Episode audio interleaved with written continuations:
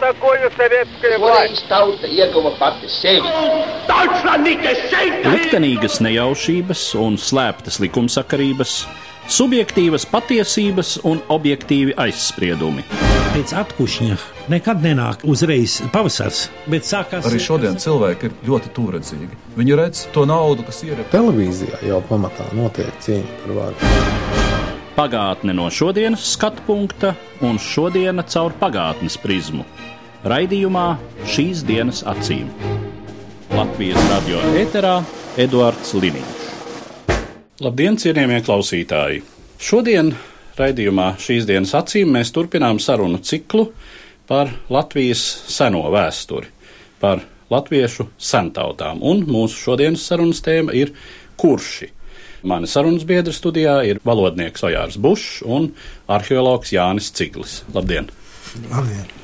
Kurši mums tādā ikdienas uztverē asociējas ar kurzemniekiem? Mēs runājam par kursiskajām izloksnēm, par kuršu valodas substrātu Latvijas rietumu daļā, un kurši ir tā no Latvijas sentautām, kas nepārprotami ir rietumbaltu izcelsmes un vienmēr ir uztverti kā rietumbalti. No negluži vien vēriens. Elīns vēl uzskatīja, ka kurš ir pa vidu starp lēšiem un latviešiem un tā tad austrumbalti. Kopš 60. gadiem tā doma par rietumbaltiskumu ir spēkā. Aha, tāds precizējums kopš pagājušā gadsimta 60. gadiem. Bet zinot vēsturiskus un arī arheoloģiskus materiālus par kuršu izcelsmes vietu vai par vietu, kur mēs pirmo reizi viņu pēdas varam konstatēt, tad mēs uzlūkojam pašreizējās Lietuvas galējo rietumu galu. Un arī dzen, droši vien daļu no tagadējā Kaļiņģeradas apgabala. Tad vai nu tik tālu uz dienvidiem, grūti pateikt. Nu jā. Ziemeļrietumu Lietuvā noteikti. Tā teritorija, kur viņi diezgan cieši robežojas ar senprūšu ciltīm. Jā. Bet uh, droši vien, ka tad man jālūdz vispirms Cigļa kungs mazliet komentēt par to, kā mēs materiālās liecībās redzam, kurš parādīšanos tur šai teritorijā un kāda ir viņa tālākā attīstība un kā tad viņi galu galā un ap kuru laiku nonāk kurzemē. Ja mēs runājam par vēlo bronzas laikmetu un senāko, ja priekšstats uz dzelzs laikmetu, tad varbūt tas Latvijas arheoloģijā nav tā īpaši uzsvērts, kā Austrumprūsija, Mazūru ezeru apgabals, Rietumu Lietuva un arī kurzemes dienvidrietumu daļa būtībā ir viena arheoloģiskā kultūra. Tā ir rietumbaltu uzkalniņu kapu kultūra. Ar nelielām atšķirībām, varbūt niansēm, līdz pat apmēram laikam ap Kristus dzimšanu, šis ir viens plašs kultūras areāls, kur nav īpašu atšķirību.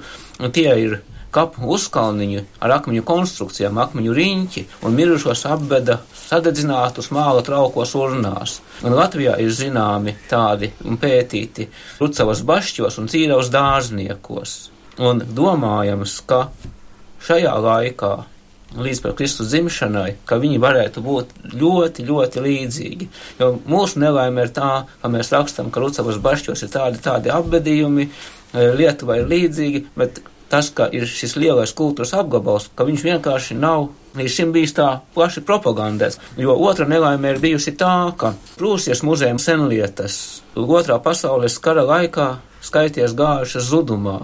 90. gadu sākumā Berlīnas aizvērstas muzejā nonāca lielākā daļa no šīs kolekcijas bet tur bija nu, šīs pēckristu dzelzs laikmeta senlietas, un tikai jau kaut 92. ja 3. gads Kēnigsbergā, jeb Kaliņingradā 4. fortā atrada šīs senlietas, un šī bronzas laikmeta e, senlietas būtībā kopš kāda 45. līdz mūsdienām ir bijušas ārpus aprites arī arhīva dokumentu un pārējais, un tas bija viens no tiem iemesliem, kādēļ šī problēma tā pastāvēja. Pilnīgākais avots ir Karla Engela grāmata par prūšu aizvēsturi, kur šīs bronzas laikmetas senlietas ir aprakstītas, bet principā tas ir viens kultūras apgabals, un pēc tam viņš jau sadalās vairāk. Sembijas pussala izdalās, Mazūra ezera apgabals izdalās, un arī izdalās Rietumu Lietuva un Dienvidrietumu Latvija šie kultūras apgabali. Un tad varbūt jau mēs varam runāt par kaut kādu dalīšanos, kur būtu prūši, Mazūra ezera apgabalā galindi, mazliet vēlāk tas ir Suvauka apkārtnē un varbūt Nemūnas ziemeļrietumu Baltkrievijā tur ir sudāvi veidojas, un arī mēs varētu runāt par kuršiem. Līdz ar to būtībā nu, no šī tāda arheoloģiskā viedokļa kurši būtu nepārprotami rietumbaltiskas izcelsmes, nākošais posms, ko mēs varētu apmēram no 1. gadsimta vidus pēc Kristus līdz 7. gadsimtam, šī materiālā kultūra ir diezgan līdzīga, un arheologu starpā nav vienotības, vai viņu sauc par kuršiem vai protokuršiem. Lietas būtība ir tāda, ka vēlāk uz ziemeļiem Nemunas pēc rakstītiem avotiem mēs zinām skalvus Rietumlietuvas ziemeļdaļā un ja kurzemes e, dienvidrietumu daļā. Tur mēs zinām kuršus, bet līdz 7. gadsimtam šīs apbedīšanas tradīcijas ļoti līdzīgas, pat arī Šiltas rajonā Lietuvā. Nošķirt šos te pēc kapu pieminekļiem īsti nevar. Un tādēļ dažreiz viņus sauc par protokuršiem, dažreiz pēc kuršiem. Pēc Latvijas materiāla būtībā nu, šī kultūras attīstība jau nāk kopš vēlā bronzas laikmeta, senākā dzelzs laikmeta, un šie rietumbalti dzīvojuši Latvijas teritorijā līdz pat šim 7. gadsimtam.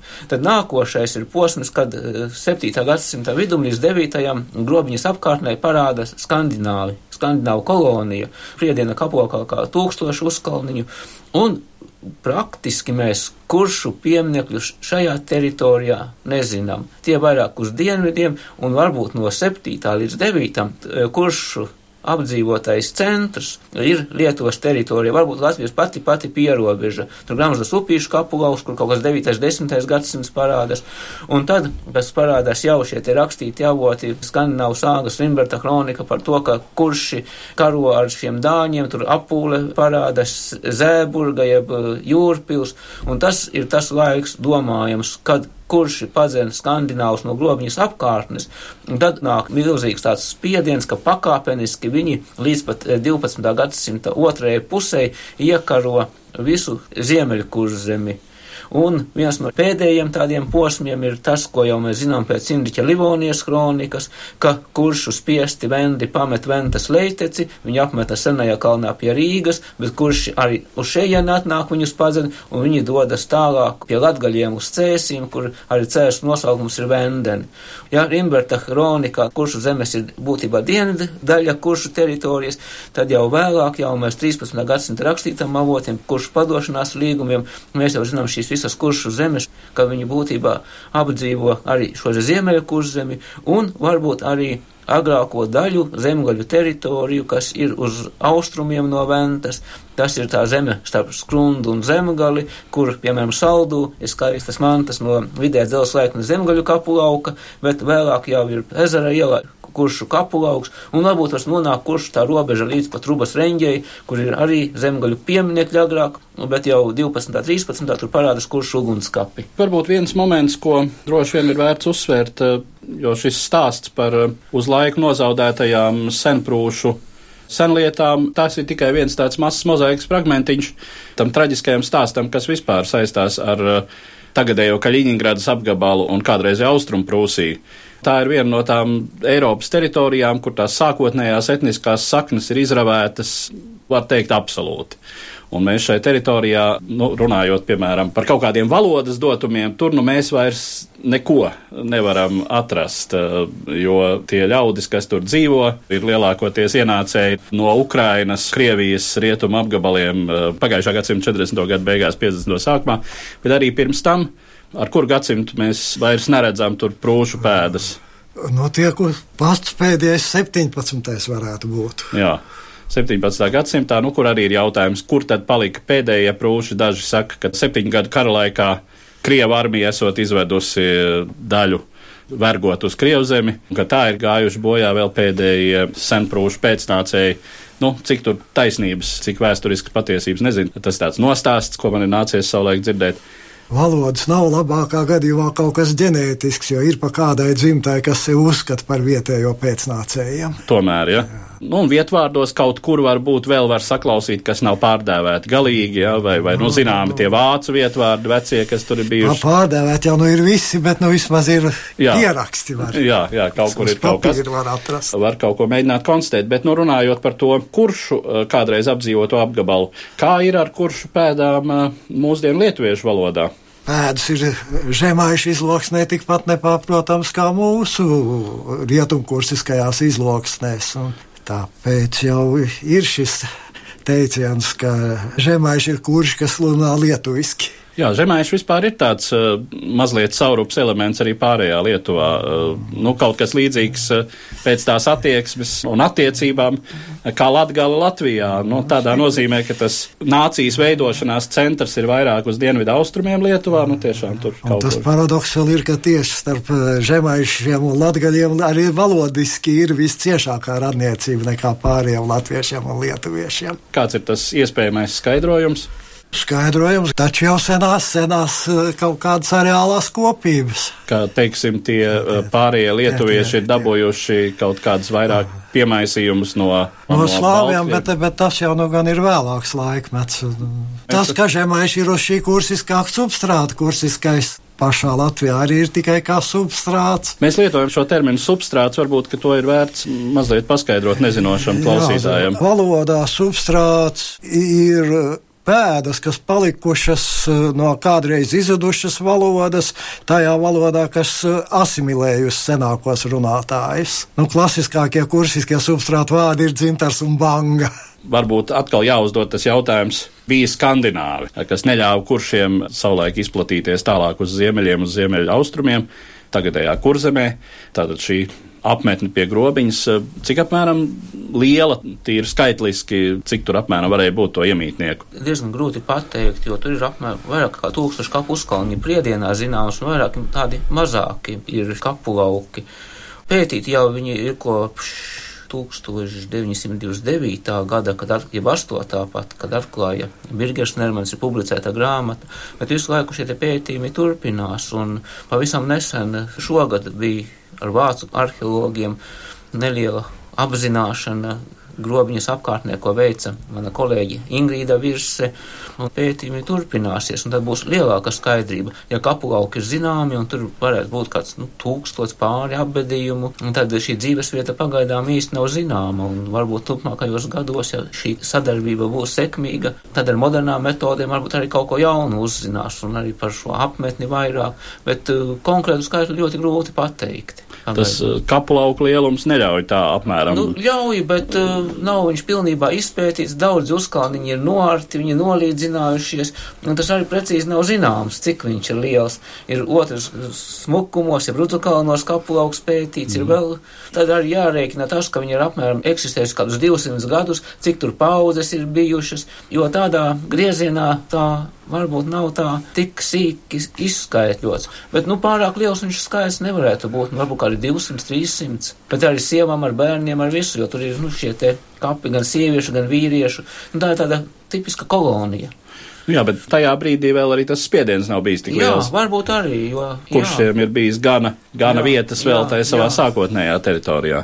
Kuršu teritorijā šo skandināvu priekšmetu būtībā nav. Ja mēs kādreiz iedomājamies, ka tur bija skandināvu kolonija, tirzniecības centrs, bet, bet tas arheoloģiskā materiālā neparādās. Ja mēs skatāmies šo skandināvu importu, tad viņš ir Baltijas Somu apdzīvotāja teritorijā Ziemeļkurzemē. Viņu ir daudz vairāk nekā visā Rietumu Lietuvā, kur ir šie kuršu pieminekļi. Tie Tās- kontakti nemaz nebija tik cieši. Jā, Varbūt jā. vienā nelielā areāla daļā kādā bija tikai šie skandināvu kontakti.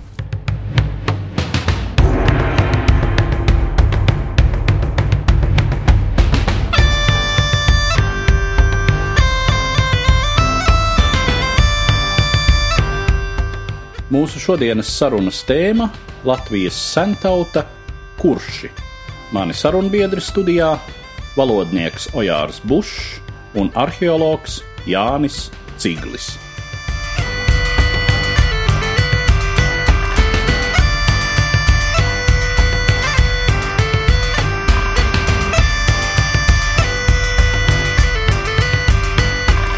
Ja mēs runājam par dienvidu kurzemi, tad arī ir notikusi tāda tautu staigāšana jau vēsturiskos laikos, jo, nu, kā zināms, to kuršu valodas substrātu mēs konstatējam šodien vairāk uz ziemeļiem, bet kurzemes pašu dienvidu daļu tur ir tāda diezgan plata vidusdialekta josla, kas Kaut arī nebez kurš substrāta arī tur tikai netik masveidīgi. tur ar tomēr ir. Ja?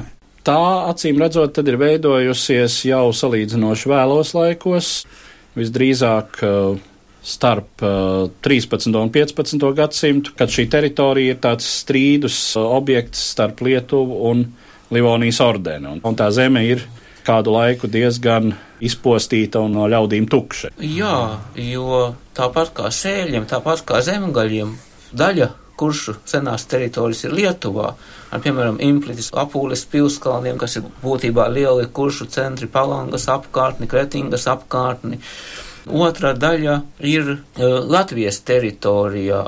Viens no šiem iemesliem ir tas, ka visu laiku notika šī cīņa starp Vācu un Livonijas ordeni, un no otras puses Zemaišiem un Lietuvas valsti.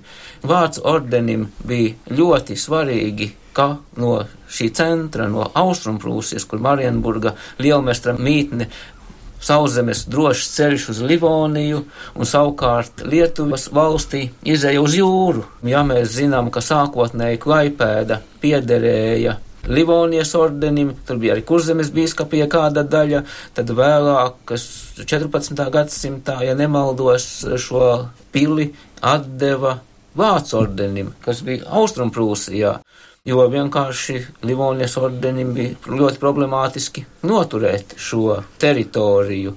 Un šī teritorija bija tā, kas ļoti cieta no kara darbības, jo aktīvāk notika šīs cīņas, un tā robeža stabilizējās apmēram kādā 15. gadsimtā, ka šo robežu atkal atvirzīja. Ja nemaldos, tad arī 14. gadsimta otrajā pusē bija brīdis, kad arī zemāšu teritorija bija vācu pakļautībā uz īsu Jā. brīdi visa. Pēc tam atkal tika no lielkņaziem atgūta 15. Eh, gadsimta pirmā pusē, kad sākotnēji Žalgiris, jeb Tanenbergas, jeb Grīnvaldes kauja cieta smagu sakāvi šis vārds ordenis, un pēc tam pēc kādiem 12 gadiem pie Šventojas arī Livonijas ordenis cieta, un tad tā robeža tika novilkta, un līdz ar to tajā kuršu teritorijas dienvidaļā, izņemot eh, Klaipēdas apgabalu, varbūt ieplūda lietuvieši vairāk, šajā salīdzinoši tukšajā teritorijā arī varbūt eh, no zemgales, no kurienes ienāca šie. Jā, jā, no valodas dotumiem mēs nevaram tik precīzi chronoloģizēt, bet visu to materiālu kopumā skatot, ir tāds iespējas, ka vienu brīdi ir kaut kāda eksplozija, kurš aiziet tālu, tālu uz ziemeļiem, lībiešu teritorijās, un tā eksplozijas centrā savukārt pēc kāda brītiņa ienāk austrumvalti. Zemgaļa. Tas, jā. Jā. Jā. Līdz tam 13. gadsimtam notiek gluži otrs process, ka kurš spiežas šajās zemgaļu zemēs un kuršu pieminekļi nāk kā rubas rengi, saldus apkārtne, vismaz Latvijas teritorijā. Un pie Ventes ir tāds Lietuvā pavirvīte gudai kapulaus, kas arī tagad ir publicēts, kur arī ir it kā tālākais zemgaļu punkts, bet tur ir ļoti stipras kuršu iezīmes. Runājot par kuršu un lībiešu attiecībām, kuršiem ienākot šajā teritorijā, kas ir uh, mūsdienu kurzemes centrs un kodols, un tātad zemes ap Kuldīgu un līdz pat Ventspilī un Talsiem. Šī teritorija, tad domājams, ir bijusi pirms tam tāda diezgan reti apdzīvota. Tā ir Baltijas somu apdzīvotā teritorija. Par šo teritoriju tas mans viedoklis ir, manuprāt, mākslīgs veidojums kurzemes lībieši. Ir lībieši un vendi ir tā, ka tad, kad kurši sāk spiesti šos Baltijas somus uz ziemeļiem projām, tad parādās lībieši pie Daugavas un domājams, ka viena daļa ir šo kurzemes Baltijas somu atnākušas Daugavas leiteci un apmetušies šeit, un ir pagājis kāds laiks, kad šie Daugavas leiteces, varbūt arī skandināvu tur klāti mazliet šajā elements, ka viņiem tā materiālajā kultūrā parādās, sāk atšķirties no šiem, kas ir kurzemē. Un, manuprāt, ja Indriķis min tikai kuršus un vendus, tad kurzemē ir bijuši vendi, ko viņš zina varbūt tie ir Baltijas somi, un otri, kas ir šeit Daugos leitecē, tie ir lībieši. Pēc tam var izsekot arī, kā no Ziemeļkurzemes nepārtraukti Daugos leiteces lībiešu kapulaukos parādās šis uh, īpatnējais tāds Ziemeļkurzemes elements. Ja mēs gribam šos uh, kurzemes lībiešus saistīt ar šiem vendiem, tad mums ir jāpierāda tas, ka no šīs cietzemes viņi ir sākuši apmesties kādā 14. gadsimta vai 15. gadsimta šajā zvejnieku ciemos, bet uh, arheoloģiskā materiālā pagaidām to ir diezgan, diezgan grūti pierādīt, jo ir tā nelaime, ka vikingu laikos, nedaudz vēlāk, pati piekraste nebija apdzīvota.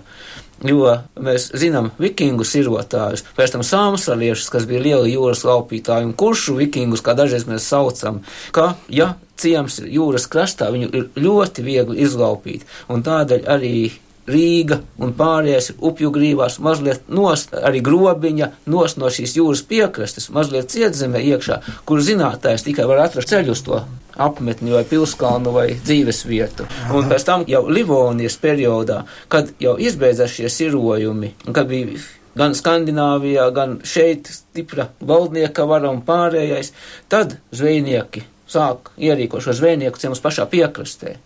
Par vendiem jau ir ļoti daudz pretrunīgu teoriju. Ir arī pietiekami pārliecinoši tādas, kas viņas vismaz no valodnieciskā viedokļa, kas vendus uzskata par mūsdienu terminoloģijā runājot kuršu etnisko grupu, tātad par baltiem. Ir zināmas teorijas par to, ka vispār tie ir kaut kādi rietumslāvi. Ir arī tādas, bet ir laikam gan romantisks. Jā, jā. jā. Cigļkungs tā kā vairāk uzskata, ka, ka par vendiem ir dēvēti. Jā, Baltijas somu tauta, kas dzīvo kurzemes ziemeļos, jo kurzemes dienvidos mēs labi pazīstam kuršu pieminekļus, un ziemeļdaļā mēs zinām šos Baltijas somu pieminekļus. Tie ir akmens krāmu kapu laukumi, pēc tam līdzenieku kapu laukumi, kā piemēram Tukuma tirgus laukumus, un vēl vesela rinda mazāk varbūt pētītu kapu lauku, un arī tas, kas ir cēsīs, tas ir ļoti līdzīgs ar šo Ziemeļkurzemi, tur arī profesors Mugurevičs savā laikā tika rakstījis, nu par to šaubu nav. Vēlāk, tas ir 13. gadsimtā, Indriķis min kuršus, bet šeit ir jautājums, vai viņš saprot šo politiskā nozīmē, vai tas ir etniskā nozīmē. Un man šķiet, ka šajā gadījumā tas ir vairāk politiskā nozīmē, jo kurši būtībā ir iekarojuši šo ziemeļdaļu, tur parādās kuršu zemes, bet starp šiem kuršiem dzīvo arī Baltijas somi, un tas arī parādās arheoloģiskajā materiālā, ka viņi tur ir, un, jo lībiešus viņš kurzemē nenosauc. Jā, kā jau parastajā laikmetā etnonīmi ir lietot politiskajā nozīmē. Tur... Zemes, kas klausa kuršu valdniekam. Ja? Jā, Lamekins būtu šajā gadījumā vai vēl kāds. Kas nozīmē, ka šiem kurzemes somiem sauksim viņus tādā vispārnātā apzīmējumā. Iespējams, ka krustnešu iebrukuma laikā jau pašiem savu valstisku veidojumu nav, un viņi ir kuršu jā, valdnieku tiesā jā, un pakļautībā. Nu, jā, nu, un, un šis viņu piedalīšanās kuršu sastāvācija ir viens no pamatiem, kāpēc somuguru zinātnieki, igauņu zinātnieki ļoti ilgi turās pie uzskata, ka kurši vispār ir somuguri. Igaunu teorijas jau ir līdz pat mūsdienām. Aha, ļoti interesanti. Jo tie vietvārdi jau ir līdz skuldiem. Nu, jo tur jau ir tas sajaukums, jā, jā, ir jau tur cilvēciskais elements arī līdz. Nu, skaidrs, jā, tad no valodas dotumiem mēs zinām, ka kurzemes ziemeļdaļa ir šīs tāmnieku izloksnes, tas ir izteikto, faktiski izteiktāku gandrīz vai nekā vidzemes lībiskajās uh, izloksnēs. Ir jau tās ļoti kapitāls valoniecisks darbs Valentīna Kipārska Dikurenfrāga 39. gadā izdots, kur viņš uh, visu seno vietvārdisko un citādu valodisko atrodam materiālu ir izanalizējis. Tur ir ļoti daudz somiskā, bet nu, viņa secinājums ir, ka kurši tie paši latvieši vien ir bijuši. Tomēr, jā. Viņš to atšķirību tur vairs sevišķi nesaredz. Nu, tas arī acīm redzot saistīts ar to, ka ne jau arī kuršu baltiskā daļa bija tik vienota. Tāpat tur savs dialektu kontinuums bija. Tad jautājums arī, kurā brīdī kurši, nu, ja mēs tā varam sacīt, kļūst par latviešiem? Nu jā, te ir tā terminoloģiska grūtība. Kūriša sprāhe vācu terminoloģijā ir ļoti dažādās nozīmēs lietots un ir dokumentos par 16. gadsimta beigu daļu, ka Liepājā sludinot kūriša sprā dievkalpojumus, bet acīm redzot, tajā laikā jau patiesībā tā ir vietējā latviešu valoda. Tiek uzskatīts, ka Latvijā 16. gadsimts ir tas pēdējais, kad vēl bija dzirdama kuršu. Nu jā, un pēc tam, acīm redzot, visdrīzāk kurzemes hercogistes laikā tad ir notikusi. Tur gan bija kūriša, bet nevis kurši. jā. Kurzemnieki. Jā, nu, tā kā tāpat kā kādā brīdī franki kļūst par francūžiem, tā kādā brīdī kurši kļūst par kurzemniekiem, kas runā tādā vairāk vai mazāk uh, arī citiem latviešiem saprotamā valodā, kur visdrīzāk tas noteicošais ir skolas un baznīca. Jā, jā. Nu, pats tas saplūšanas process ir mazliet mīklains, kāpēc ir vairākas hipotēzes, kāpēc tas noticis. Nu, baznīcas ietekme ir viena hipotēze. Un pārējās ir kuršu izklīšana ļoti plašā teritorijā. Arī rietumvidzemē, arī austrumu sēlijā mēs pagājušajā reizē runājām, un pat Ziemeļ Latvijā it kā kaut kādas pēdas var atrast. Jā, jo Jāpēc paskatāmies 17. gadsimta arku revīzijas, un tur jau diezgan labi parādās. Tas nav domāts varbūt kurzemnieks, bet tas no hercogistes, kā vidzemē ik pa brīdim draudzēs pēc poļu zviedru kara ienāk Einkurlander, Einkurlander. Tā tad ienācējs no kurzemes. Jā, jā, bet ir kurzemes vai zemgales, nu, būtībā tas domās laikam tā hercogistas teritorija. Tā bija karos skarta mazāk, ir sevišķi 17. gadsimta sākumā pierīga Rietumvidzeme bija ārkārtīgi izpostīta. Tieši šajās draudzēs jau arī parādās tas. Un varbūt arī tas ir viens no tiem iemesliem, kādēļ tagad Gaujas leitece nav tāmnieku dialekts un Daugavas leitece, kur senās lībiešu zemes bija, bet runā ļoti līdzīga arī zemgaļu, zemgalei valodā un Rīgai. Kuršu zemes tā kā salīdzinoši mierīgi iekļaujas Livonijā, ziemeļkursa bez īpašām uh, asiņainām cīņām vairāk tā kā diplomātisku sarunu rezultātā. Jā, jo ja mēs, piemēram, zinām, ka gar Daugavu vidzemē seno pilskalnos vienmēr ir mūra pils koknesi, aizkraukle, lielvārda, turaida, un cēs ir blakus eh, Valmiera, tur varbūt tā te soģa, Valdemāra pilsvieta, bet, nu, tāpat mežotnē bija krustnešu koka pils tērvetē, tad kurzemē, es nezinu, vienu mūra pili, kura būtu uzcelta kuršu pilskalnā, un jas ir celtas blakus vienmēr piemēram, Tausu pilskalnā, tur vēl 15. gadsimta senlietas ir, un Tausu vilkumuļas ezerā, kur sadedzinātie kurši ar savām mantām apbedīti, un tur arī vēl 15. gadsimta mantas. Nu, visur, kur tas ir, ka mūra pils ir blakus, un ka kurši būtībā paturēja kaut kādu savu autonomiju. autonomiju. Nu, kaut kādu nu, kuršu ķoniņu jau arī jā, viena jā. no izpausmēm. Ja lauksargi, kas bija, ko Lundsdorfs ir aprakstījis, nu, šis tie kuršu vasaļu karaspēks, un tas ir tā, ka viņi tomēr tā ir citādi iekļaušanās nekā šī totālā pakļaušana. Kurš valoda bija jau diezgan pietuvojusies tomēr austrumbaltiskajām jau vēsturiskajiem laikiem sākoties.